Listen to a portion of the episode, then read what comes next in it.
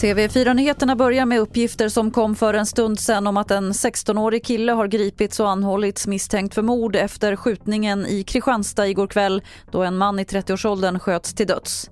Vi hör Kim Hild på polisen Region Syd.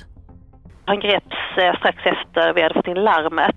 Han är ju väldigt ung, han är 16 år gammal, eh, så det är en aspekt som, som eh, vi, vi behöver förhålla oss till han grips ganska fort efter att vi har kommit dit eh, och det är på grund av att man har haft en väldigt stor resurs ute på plats eh, och man har kunnat inleda de här utredningsåtgärderna med kontroller i området ganska omgående. Eh, så att nu eh, är det väl av högsta vikt att man eh, vill se lite hur hans inblandning har sett ut eh, och om man kan få svar på framförallt och såklart hur det här har kommit sig att det har kunnat ske. Världsbanken har godkänt ytterligare nära 15 miljarder kronor i stöd till Ukraina. Den ryska invasionen har sänkt Ukrainas ekonomi, bombat sönder infrastrukturen i landet och blockerar exporten av spannmål. Enligt Ukrainas president Volodymyr Zelensky så behövs motsvarande 70 miljarder kronor i månaden för att landet ska kunna fortsätta fungera.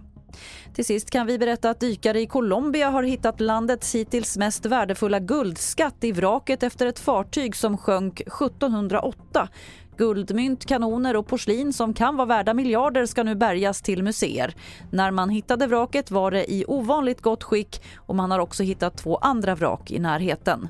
Fler nyheter hittar du på tv4.se. Jag heter Lotta Wall.